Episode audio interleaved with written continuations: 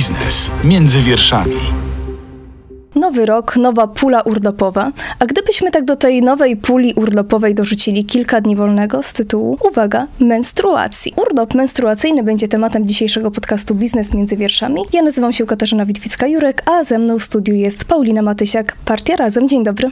Dzień dobry. Proszę powiedzieć, czy urlop menstruacyjny w jakiś sposób jest bliski Partii Razem? Czy jest bliski, to oczywiście możemy e, dyskutować, natomiast zdecydowanie takie rozwiązania, które też e, już funkcjonują przecież na na świecie, czy są dyskutowane w takich porządkach prawnych poszczególnych e, europejskich krajów. Myślę, że przybliżają nas do czegoś, co z kolei nam jest bardzo bliskie, takiego postulatu europejskiego państwa dobrobytu. Mamy XXI wiek, 2023 rok. Myślę, że tutaj faktycznie zmienia nam się myślenie o tym, jak wygląda nasza praca, jak wyglądają warunki pracy i czemu by e, takiego rozwiązania nie wprowadzić, zwłaszcza, że ono faktycznie jest już przetestowane, tak jak mówiłam, w różnych krajach, ale też e, tam, gdzie taki urlop urlop nie funkcjonuje, wprowadzają go różnego rodzaju firmy, testując po prostu u siebie w swoich przedsiębiorstwach.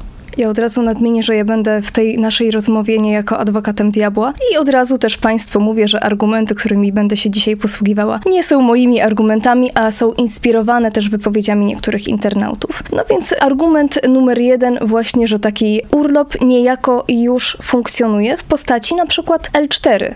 Jeśli komuś rzeczywiście doskwierają e, bóle związane z menstruacją, może zgłosić się do lekarza. Natomiast kobiety, których charakter pracy umożliwia pracę zdalną, też mogą pracować pracować zdalnie, chociaż też wiemy, że nie zawsze się da, prawda? Tak, oczywiście. Znaczy tutaj pełna zgoda, że y, możemy pójść do lekarza, jak rozumiem, no tutaj w kontekście bolesnych, y, takich przeciągających się, czy nie, uniemożliwiających pracę menstruacji, no powodowałoby to tak naprawdę co miesięczną wizytę do lekarza, y, wzięcie zwolnienia na kilka dni. Tak naprawdę wydaje mi się, że, w, że tutaj to już się dzieje. Znaczy te kobiety, które faktycznie przestały swój cykl menstruacyjny przez kilka dni w miesiącu, nie są w stanie normalnie funkcjonować, nie są w stanie wykonywać swoich pracowniczych obowiązków, to i tak z tego rozwiązania przecież korzystają. Mówiąc o urlopie menstruacyjnym, mamy raczej na myśli taki urlop, który na przykład przysługuje w wymiarze jednego dnia w miesiącu, zwłaszcza na ten pierwszy dzień, najbardziej bolesny okresu menstruacji. W inne dni e, już e, pracownica do pracy przychodzi i raczej jest to takie właśnie podejście do tego, żeby spojrzeć na pracę, myślę, że właśnie z perspektywy pracownika. Zadowolony, wypoczęty pracownik, pracownik, który może wykonywać dobrze swoje obowiązki, to po prostu bardziej efektywny pracownik. Myślę, że, z, że dlatego właśnie poszczególne firmy wprowadzają takie rozwiązanie, bo doskonale sobie z tego zdają sprawę. Tam, gdzie to możliwe, oczywiście można e, wprowadzać rozwiązania pracy zdalnej, e, z domu, w takich wygodnych e, warunkach. Zresztą pandemia nam to też doskonale pokazała, że tak naprawdę te prace biurowe przeniosły się do tych domowych pieleszy. Tu się pojawia kolei wiele innych jakichś po drodze spraw, które należałoby rozwiązać, związanych, nie wiem, z wykorzystywaniem własnego sprzętu, prądu, internetu i tak dalej, ale to na razie zostawmy. Natomiast no, są też takie prace, gdzie no, nie da rady wykonywać tej pracy z domu, trzeba być na miejscu. Jeżeli ktoś jest pielęgniarką, musi być w szpitalu czy w przychodni. Jeżeli jestem kasjerką, muszę być w sklepie e, na kasie. Jeżeli pracuję w firmie produkcyjnej, po prostu muszę się tam stawić e, na miejscu. Nie da rady tego robić z domu, z zabiórka przy komputerze, więc tak naprawdę to jest rozwiązanie, które no, jest po prostu sprawiedliwe i obejmuje wszystkie pracowniczki, niezależnie od tego, jaką e, pracę, w jakiej firmie pracują. No właśnie, obejmuje wszystkie pracowniczki. Może skupmy się na e, rozwiązaniu hiszpańskim. Tam kobiety mogą wziąć od 3 do 5 dni wolnego, to znaczy będą mogły, projekt wciąż jest, e, o ile się nie mylę, procedowany. I to rozwiązanie generalnie i tak wymaga konsultacji z lekarzem. Wiadomo, że dzisiaj to wszystko poszło do przodu, możemy konsultować się z lekarzem przez internet choćby i wypisze to zwolnienie. A jak pani zdaniem mogłoby to w Polsce wyglądać? To wszystko oczywiście e, myślę, że zależy od tego, jaki model przyjmujemy, bo jeżeli jeżeli faktycznie chodzi o to, żeby y, w danym miesiącu y, wziąć tych kilka dni wolnego na cały bolesny ten czas menstruacji, myślę, że to jest mniej więcej około 3% kobiet, które doświadczają takich y, bolesnych menstruacji, które uniemożliwiają takie mm. zwyczajne, normalne funkcjonowanie, pójście do pracy i wykonywanie tych swoich obowiązków w takim zwykłym trybie, no to oczywiście wtedy one muszą się skonsultować z lekarzem, muszą mieć, muszą mieć zwolnienie. Ale w, jeżeli byśmy poszli takim modelem, że to jest po prostu taki nazwijmy to bonusowy, dodatkowy, y, dodatkowy dzień, zwłaszcza na ten, na ten pierwszy dzień okresu, no to wtedy wydaje mi się, że ta konsultacja z lekarzem jest, jest zbędna. Nie ma po co jakby tutaj stawać w kolejkach, zabierać czas lekarzom, którzy y, no, mogliby ten czas efektywniej wykorzystać niż tylko po prostu spotykać się i wystawiać nam po prostu jakiś kwitek tej papierologii w systemie zdrowia jest też y, bardzo dużo, to wtedy ta konsultacja nie byłaby, nie byłaby potrzebna. No i przede wszystkim jasno też trzeba powiedzieć, że to nie jest tak, że to jest dzień wolnego, który należy obowiązkowo wykorzystać. W sensie można, ale y, nie trzeba. Y, Myślę, że tutaj y, każda z dziewczyn, kobiet, które nas słuchają, doskonale sobie zdaje sprawę, że w różny sposób swoje miesiączki przechodzą i tak naprawdę miesiąc miesiącowi nierówny. Czasami te dni są o wiele bardziej bolesne, bardziej trudne. Chciałoby się zostać w domu.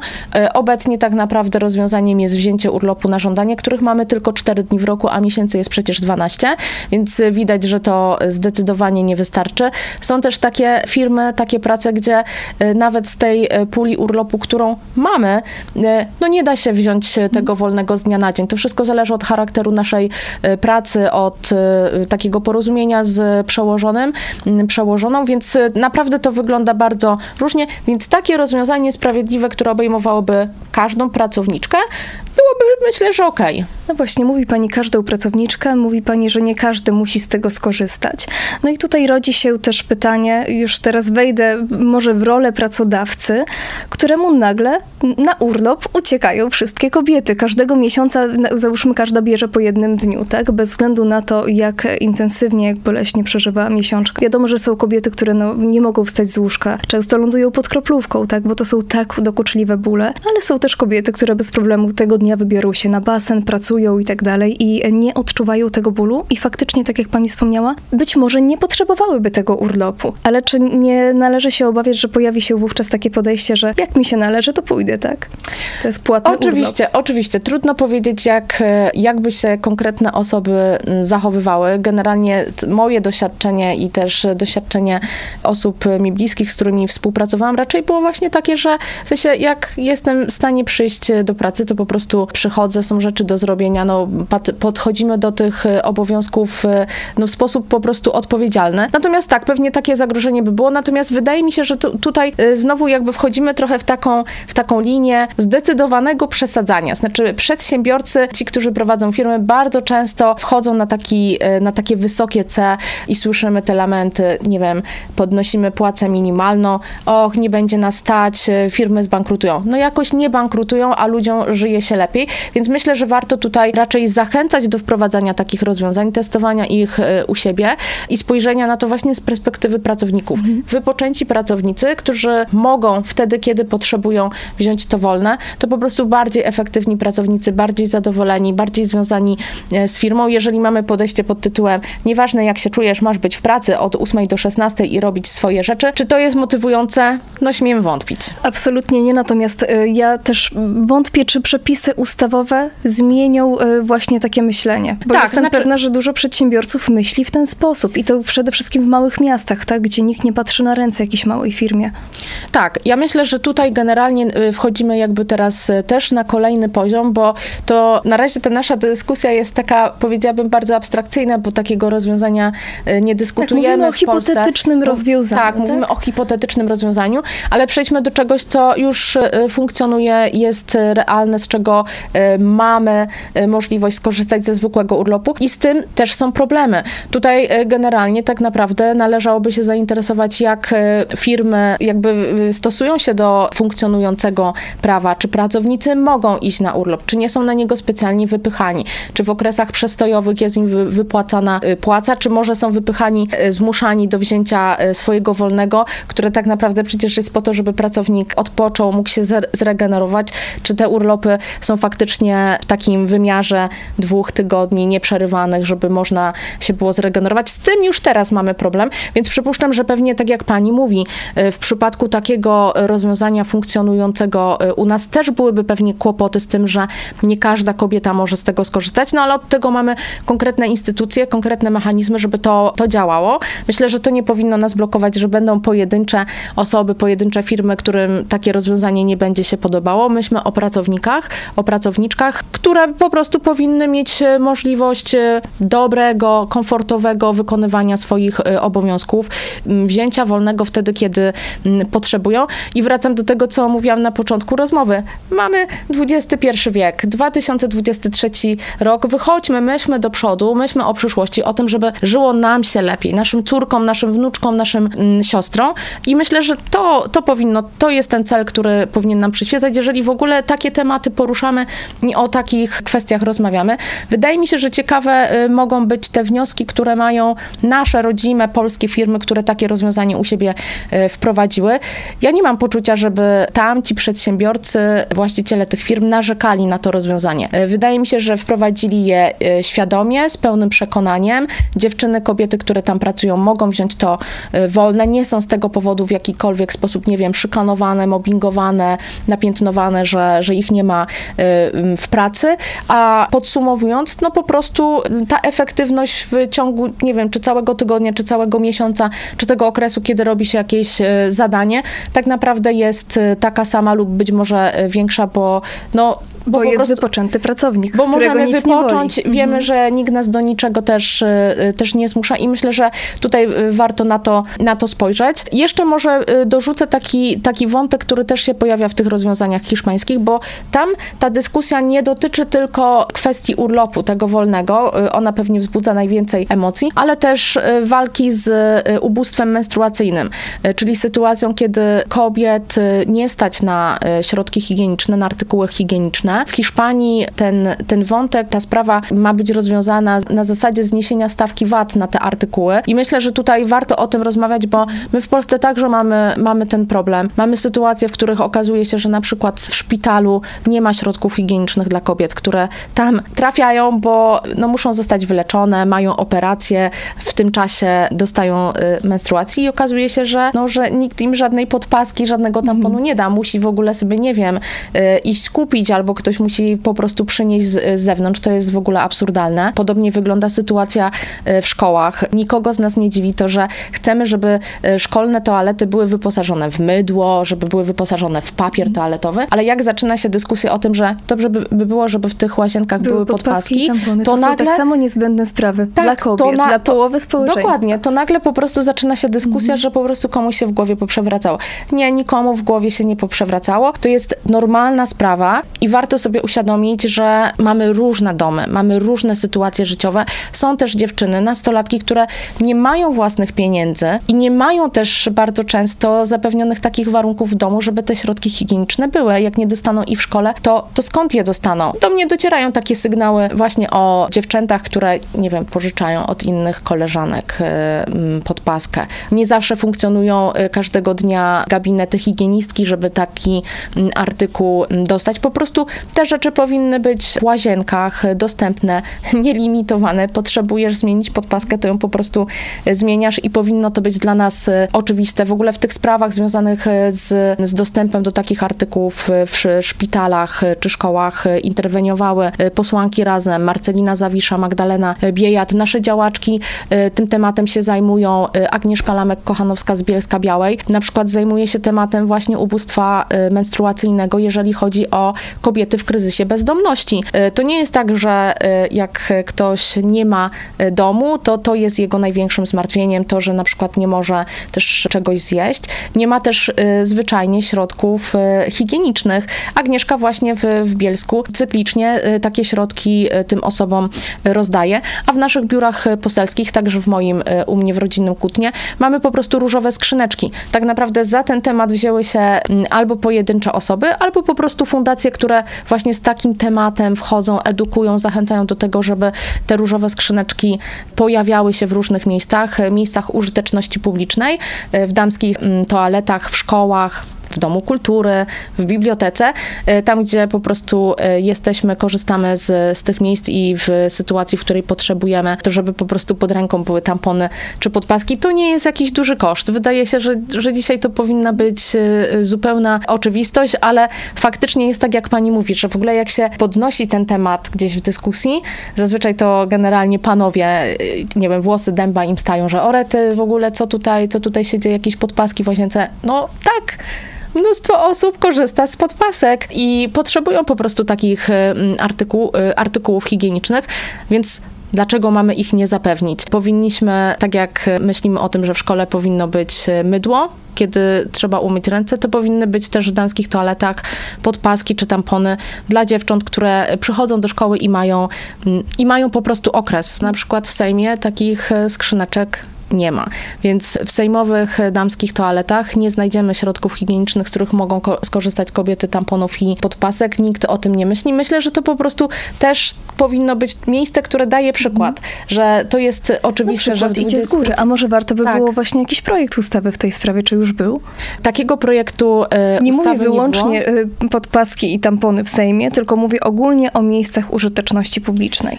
Były działania i interwencje, jeżeli chodzi y, na przykład przykład o dostępność tych środków w, mm, w szkole.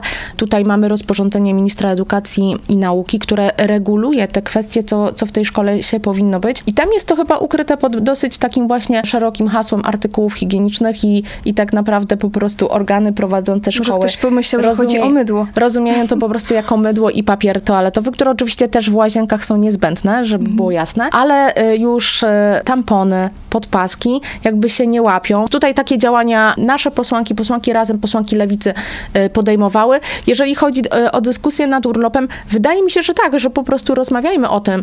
E, próbujmy się wsłuchiwać w argumenty różnych stron. Wydaje mi się, że tutaj jesteśmy w stanie się spotkać w jakimś, w jakimś punkcie. Nie wyrzucajmy tych pomysłów tylko dlatego, że kierujemy się uprzedzeniami. Temat dotyczy w zasadzie połowy społeczeństwa i być może tak naprawdę do części osób, które prowadzą firmę, do przedsiębiorców, właśnie takie argumenty czysto ekonomiczne by trafiły, jeżeli nie chcą podchodzić do tego tak po prostu po ludzku, tak? Na, na zasadzie, że no hej, żyjemy naprawdę w, w dobrych warunkach, powinniśmy dążyć do tego, żeby te warunki poprawiać. Być może właśnie argumenty y, z tego, że pracownicy, pracownice byłyby bardziej efektywne, miałyby czas y, odpocząć, y, dogadać się. Tym bardziej, że w, często też w tych rozwiązaniach nie chodzi nawet o zupełnie dzień wolnego, ale na przykład możliwość raz w w miesiącu pracy na przykład zdalnie, jeżeli to jest oczywiście możliwe.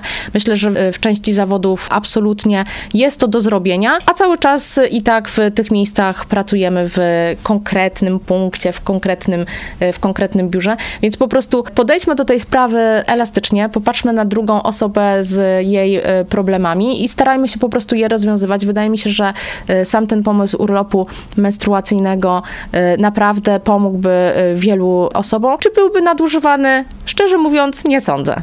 Mówi Pani o argumentach ekonomicznych. Ja obawiam się, że one mogą być na opak rozumiane przez przedsiębiorców, szczególnie w niektórych miejscowościach mniejszych, a inaczej, y, no chociażby z definicji, która, z którą Pani przedstawiła, tak? Od, odniosę się do takiej hipotetycznej sytuacji, kiedy przedsiębiorca zatrudniający na przykład 9 osób, 10 osób y, musi przyjąć do pracy jedną osobę, dwie osoby przyjdą na spotkanie, będzie to kobieta i mężczyzna, no i jego y, taką decyzją ekonomiczną będzie będzie przyjęcie mężczyzny, bo uzna, że mężczyzna na, nie zwieje mu, mówiąc krótko, na urlop, czy to menstruacyjny, czy to, macierzyński, tak? Że, czy to nie pogłębi po co? prostu dyskryminacji, z którą już mam wrażenie mamy miejsce dzisiaj. Co do, co do urlopu e, menstruacyjnego, znaczy ja mam takie poczucie, że jeżeli ktoś prowadzi biznes i ten biznes załamie się, bo jeden pracownik raz w miesiącu zniknie na dzień, na dzień wolnego, no to mam duże wątpliwości, na jakich w ogóle podstawach ten biznes jest, jest oparty naprawdę nie dajmy,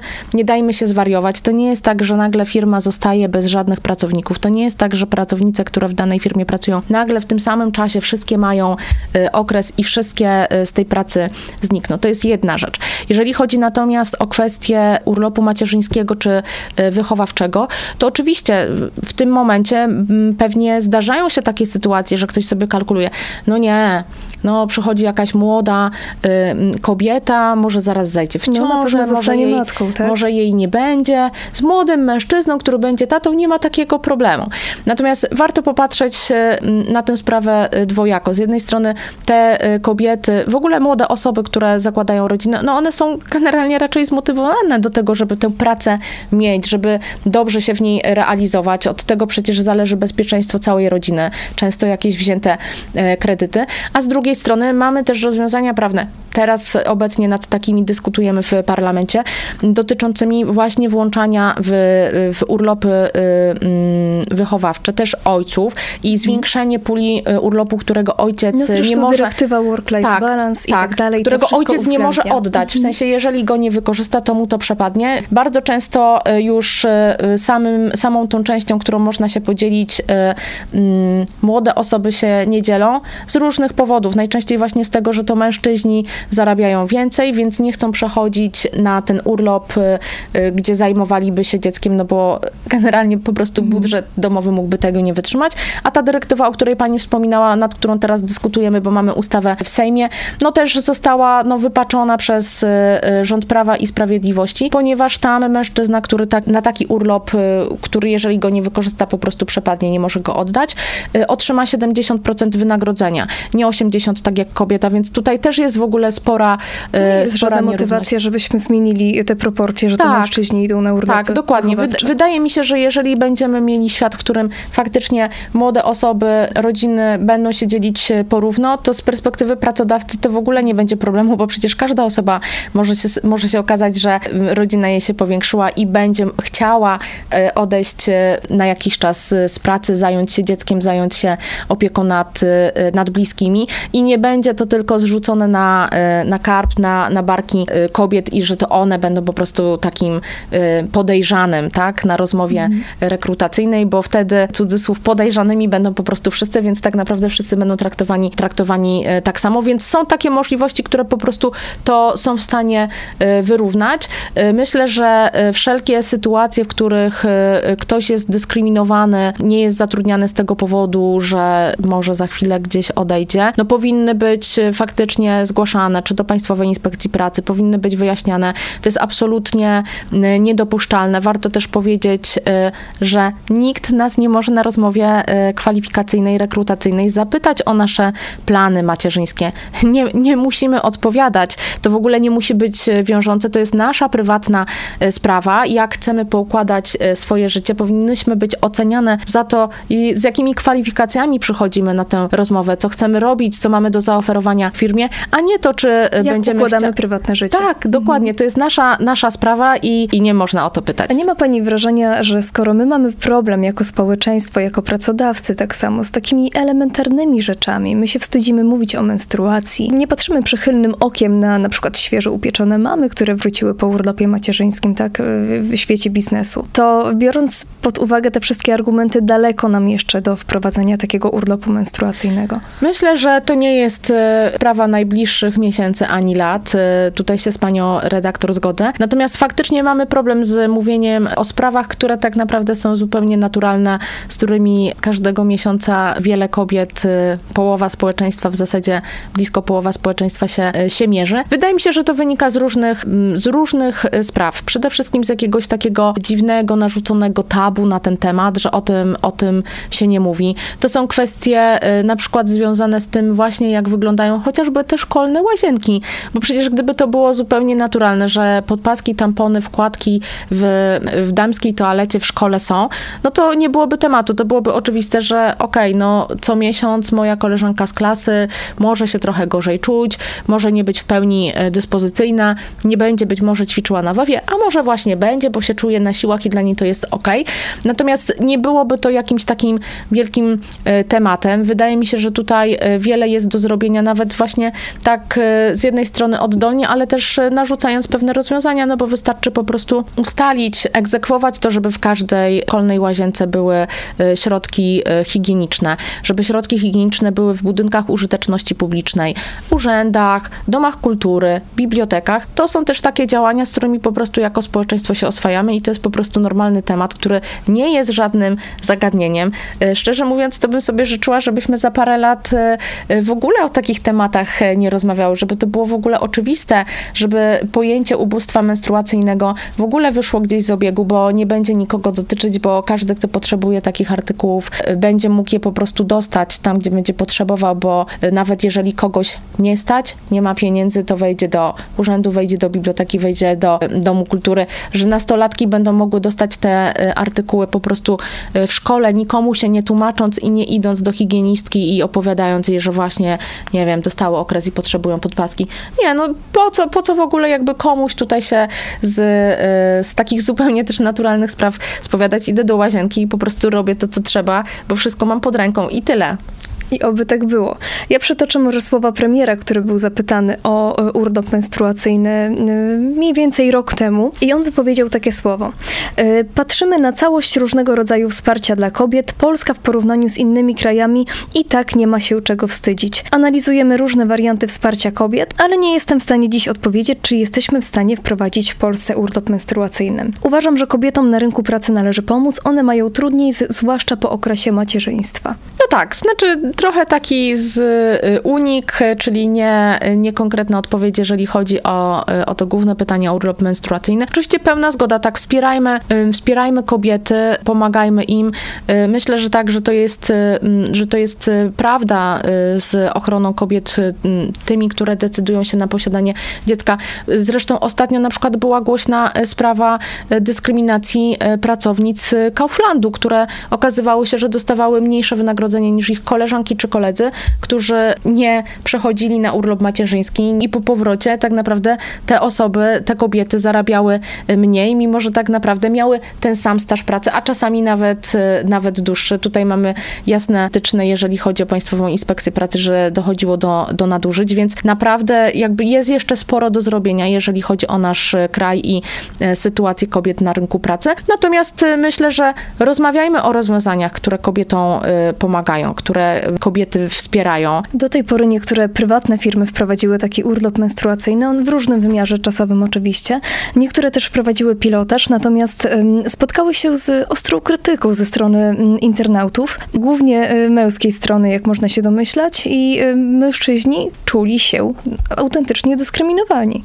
I teraz pytanie, jak odpowiadać na tego typu argumenty, tak? Jeżeli chodzi o komentarze, które gdzieś się pojawiają w internecie, ja mam do nich naprawdę spory dystans. Chciałabym, żeby mężczyźni e, tak samo ochoczo i głośno, jak e, w tym przypadku e, mówili o dyskryminacji, podejmowali temat chociażby dyskryminacji płacowej i różnicy między zarobkami mężczyzn a kobiet, bo ja jakoś nie słyszę takich, takich głosów, nie słyszę, nie widzę tego rabanu w internecie, gdzie to mężczyźni mówią, nie, to skandal, nie może być tak, że na tym samym stanowisku my zarabiamy więcej, a kobiety mniej. Znaczy, jakoś nie podejmują tego tematu. Traktujmy naprawdę e, te kwestie mm, w sposób, e, w sposób e, równy.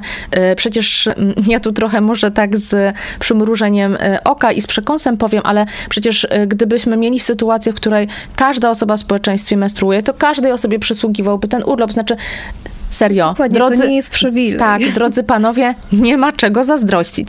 E, Zacznijmy, e, zacznijmy od tego, a jeżeli już e, mówimy o, o tym, o takiej możliwości, która mogłaby funkcjonować, czy, czy w konkretnych podmiotach, czy, czy, w, czy po prostu w systemie, w porządku prawnym, w kodeksie, w kodeksie pracy, no to po prostu wspierajmy te osoby, które mierzą się z, no, z takimi dolegliwościami, z takimi sytuacjami. Ja też dużo mówię o tym, żebyśmy patrzyli na to, jak wygląda to w tych poszczególnych firmach, natomiast tutaj też pewne ostrzeżenie, znaczy nie można też e, tego rozwiązania zostawić tylko do rozwiązania e, wolnemu rynkowi, bo przede wszystkim e, Wolny rynek lubi omijać niektóre przepisy. Nikt nie lubi regulacji. a z drugiej strony, a z drugiej strony on po prostu też nie obejmie, obejmie wszystkich. Znaczy to, że korporacja podejmie taką decyzję z różnych powodów, bardzo często też takich zwyczajnych, po prostu marketingowo-PR-owych, No żeby, dokładnie. żeby właśnie się pokazać, jesteśmy tacy fajni, wspieramy kobiety. A ja jeszcze To- przerwę pani na Tak? chwilkę. Spotkałam się ze zarzutem wobec jednej z firm, która pilotażowo wprowadziła taki projekt, że to pinkwashing. Ja, ja może wytłumaczę, proszę mnie poprawić, jeśli to nie jest jakoś e, trafna definicja. Chodzi o poprawianie wizerunku e, w mediach i nie tylko poprzez działania prokobiece i nie tylko, znaczy e, te- też działania związane z LGBT. Znaczy, myślę, że tutaj po prostu trzeba byłoby się pewnie przyglądać poszczególnym korporacjom i podejmowanych przez, przez nich działaniach, czy one są faktycznie tylko po prostu takie bardzo powierzchowne i po to, żeby, Żeby gdzieś, poprawić reputację, tak? Na gdzieś o tym napisać, może zatweetować, y, odznaczyć gdzieś na podstronie, na, na stronie internetowej, że jesteśmy tacy fajni, otwarci, różnorodni i w ogóle wspieramy i tych, i tych, i tych. Więc y, tutaj faktycznie można byłoby poszczególne firmy poddać jakiejś takiej analizie, czy te działania wynikają z tego, że faktycznie dbają o wszystkich pracowników, czy tylko po prostu poprawiają swój wizerunek. Ale dlaczego mówię o tym, że też tego nie można zupełnie zostawić ułatwić e, tylko poszczególnym firmom, bo tak naprawdę wiele pracownic po prostu takie rozwiązanie nie obejmie, bo będzie ciągle mnóstwo firm, korporacji, które takiego, takiego urlopu nie wprowadzą.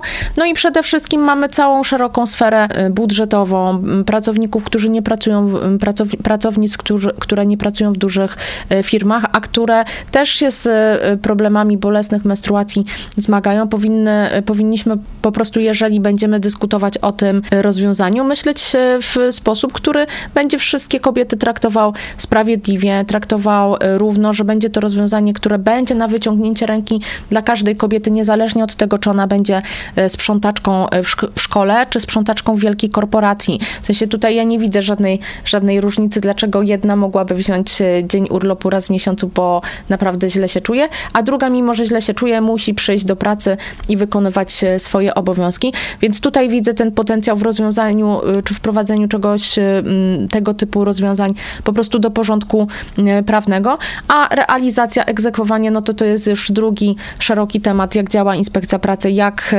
firmy, mhm. przedsiębiorcy faktycznie pilnują tych przepisów z kodeksu pracy, bo problemów jest naprawdę dużo. Ten mm, czas pandemii, zwłaszcza pierwszy, też pokazał, do ilu nadużyć potrafiło dochodzić, jak też kosztem pracowników firmy, no jak firmy po prostu traktowały swoich pracowników no mocno po macoszemu. Do naszych biur poselskich zgłaszały się takie osoby z różnymi problemami, zwłaszcza właśnie z wypychaniem chociażby na siłę na urlopy, które wcale wcale nie były, nie były y, chciane, y, nie były też czasem do odpoczynku, tylko po prostu no, wolnego. Pracodawcy było tak na rękę, bo na przykład zakład nie pracował, tak? Tak, tak. Y, a też dodajmy, że jest to po prostu niezgodne z przepisami, no po prostu y, mamy przestój, wypłacamy mm, mm, postojowe. Mm. Jasno trzeba powiedzieć, że, że tak to powinno funkcjonować. No nie funkcjonowało tak y, niestety, więc od egzekwowania tych przepisów, gdyby zostały wprowadzone, mamy konkretne instytucje i trzeba byłoby tego pilnować. Natomiast rozwiązanie wprowadzone do kodeksu pracy obejmowałoby wszystkie pracownice, więc w tym sensie jest na pewno lepsze niż poszczególna konkretna firma, która takie rozwiązanie wprowadza. Natomiast tak jak ze wszystkimi w ogóle nowymi, nowatorskimi rozwiązaniami, o których dyskutujemy, no to jest taka możliwość sprawdzenia tego w mniejszej, większej e, grupie osób z przeprowadzenie pilotażu, wyciągnięcie wniosków, może zmodyfikowanie tego projektu. Wydaje mi się, że warto tutaj patrzeć na te e, kraje, w których e, takie rozwiązania funkcjonują i się sprawdzają i kobiety nie są wypychane z rynku pracy. Y, mamy kraje, które, y, tak jak przywoływana Hiszpania, teraz o tym rozmawiają, przetacza się w Hiszpanii y, dyskusja w tym temacie, czy to jest fajne rozwiązanie, czy nas na nie stać, czy nie jest dyskryminujące i tak dalej, i tak dalej. Ale mamy też takie kraje, w których to rozwiązanie funkcjonuje w zasadzie od kilkudziesięciu lat, takie jak Japonia. Japonia I, tam, dokładnie. I tam pracowniczki mogą skorzystać z takiego rozwiązania. Nikt w ogóle z tego nie robi żadnego zagadnienia, bo jest to po prostu oczywiste, że jak jestem kobietą, która pracuje w firmie w Japonii, to raz w miesiącu mogę nie przyjść do pracy, bo się po prostu źle e, czuję, co też nie znaczy, że firma, w której pracuję, nie wiem, upadnie, nie poradzi sobie, e, nikt nie zrobi tych rzeczy, które e, miały zostać zrobione, więc też nie dajmy się zwariować, gdzieś pośrodkujmy tę dyskusję, szukajmy raczej tego, do czego to rozwiązanie ma prowadzić, bo tu nie chodzi o wolne dla samego wolnego, tylko chodzi o to, że mamy sytuację, w której naprawdę wiele pracownic w czasie swojego e, cyklu menstruacyjnego po prostu gorzej się czuje. Na pewno jak przyjdzie do pracy, nie będzie tych e, swoich obowiązków wykonywało na 100%. E, ta wydajność, ta efektywność będzie o wiele, o wiele mniejsza, więc patrzmy po prostu na to, że rozwiązanie ma doprowadzić do tego, żeby pracownice czuły się lepiej, miały naprawdę zapewniony komfort, wygodę. I tutaj szukajmy, szukajmy tego porozumienia. Wydaje mi się, że jeżeli w taki sposób tę dyskusję będziemy ustawiać, to faktycznie możemy znaleźć jakieś punkty wspólne i szukać, szukać rozwiązania. Ja tylko przypomnę, że w Japonii to rozwiązanie funkcjonuje od 76 lat. To, to 76 lat, gdzie my zdążyliśmy już e, przejść do porządku dziennego z tym, że mamy okres, że musimy chodzić do pracy. I tak, a już do głowy by niektórym nie przyszło, żeby mieć jakieś, nie wiem, roszczenia z tego tytułu, tak? Żeby domagać się wolnego na przykład. I y, dlaczego o tym mówię? Już tak całkowicie na koniec. Pani zdaniem ten urlop menstruacyjny to jest pieśń przeszłości, takie jakieś, nie wiem, pobożne życzenie na, na przyszłość, na inne pokolenia może. Czy, czy to jest do realizacji, patrząc na to, co się dzieje w Europie i nie tylko, i na Zachodzie? Na czy, pewno- czy nawet na- w Japonii. Na tak. pewno jest do realizacji. Myślę, że, mm, bo ja mówiłam dzisiaj tak, o tym patrzeniu w przyszłość, myślę, że nie trzeba tak daleko w tę przyszłość się wychylać, że to nie jest e, kwestia kolejnych pokoleń. Myślę, że spokojnie dożyjemy takiego czasu w Polsce, że e, Mhm. Ale czy takie rozwiązanie będzie może też świadomości, prawda, naszej. Czy my jesteśmy na tyle dojrzałym społeczeństwem do tematów w ogóle menstruacji, do tematów, które są tabu dzisiaj, tak? Myślę, że Żeby po, takie powoli rzeczy przestają. Mhm. być tabu. Dzisiaj na przykład rozmawiamy o takim e, rozwiązaniu. Kwestia ubóstwa menstruacyjnego zaczyna się naprawdę mocno przebijać do, do mainstreamu. Mamy e, stowarzyszenia i fundacje, które na, w tym temacie działają i uświadamiają i, i faktycznie tych różowych skrzyneczek jest e, coraz więcej. Ja sobie bym po prostu życzyła, żeby to nie była rola organizacji pozarządowej e, zapewnianie dostępu do artykułów higienicznych, tylko żeby to po prostu była oczywistość, że te środki są w tych wszystkich miejscach, e, które są publiczne, do których chodzimy, załatwiamy swoje sprawy do urzędu, do lekarza, w przychodni, w domu kultury.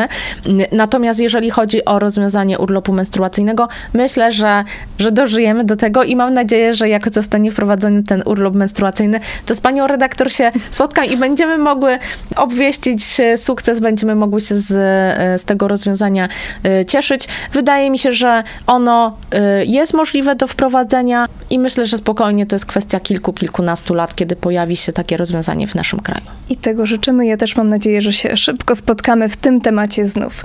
Dziękuję bardzo. Dziękuję. Mówiła Paulina Matysiak, Partia Razem. Dziękuję bardzo, dobrego dnia. Dziękuję bardzo, dziękuję Państwu za uwagę. Ja polecam wszystkie nasze podcasty Biznes Między Wierszami. Przypomnę tylko, że można nas e, słuchać m.in. na Spotify, na YouTubie i na playerze Radia Z. Mówiła Katarzyna Witwicka-Jurek. Dziękuję bardzo, do usłyszenia. Biznes między wierszami. Więcej podcastów na player radioz.pl.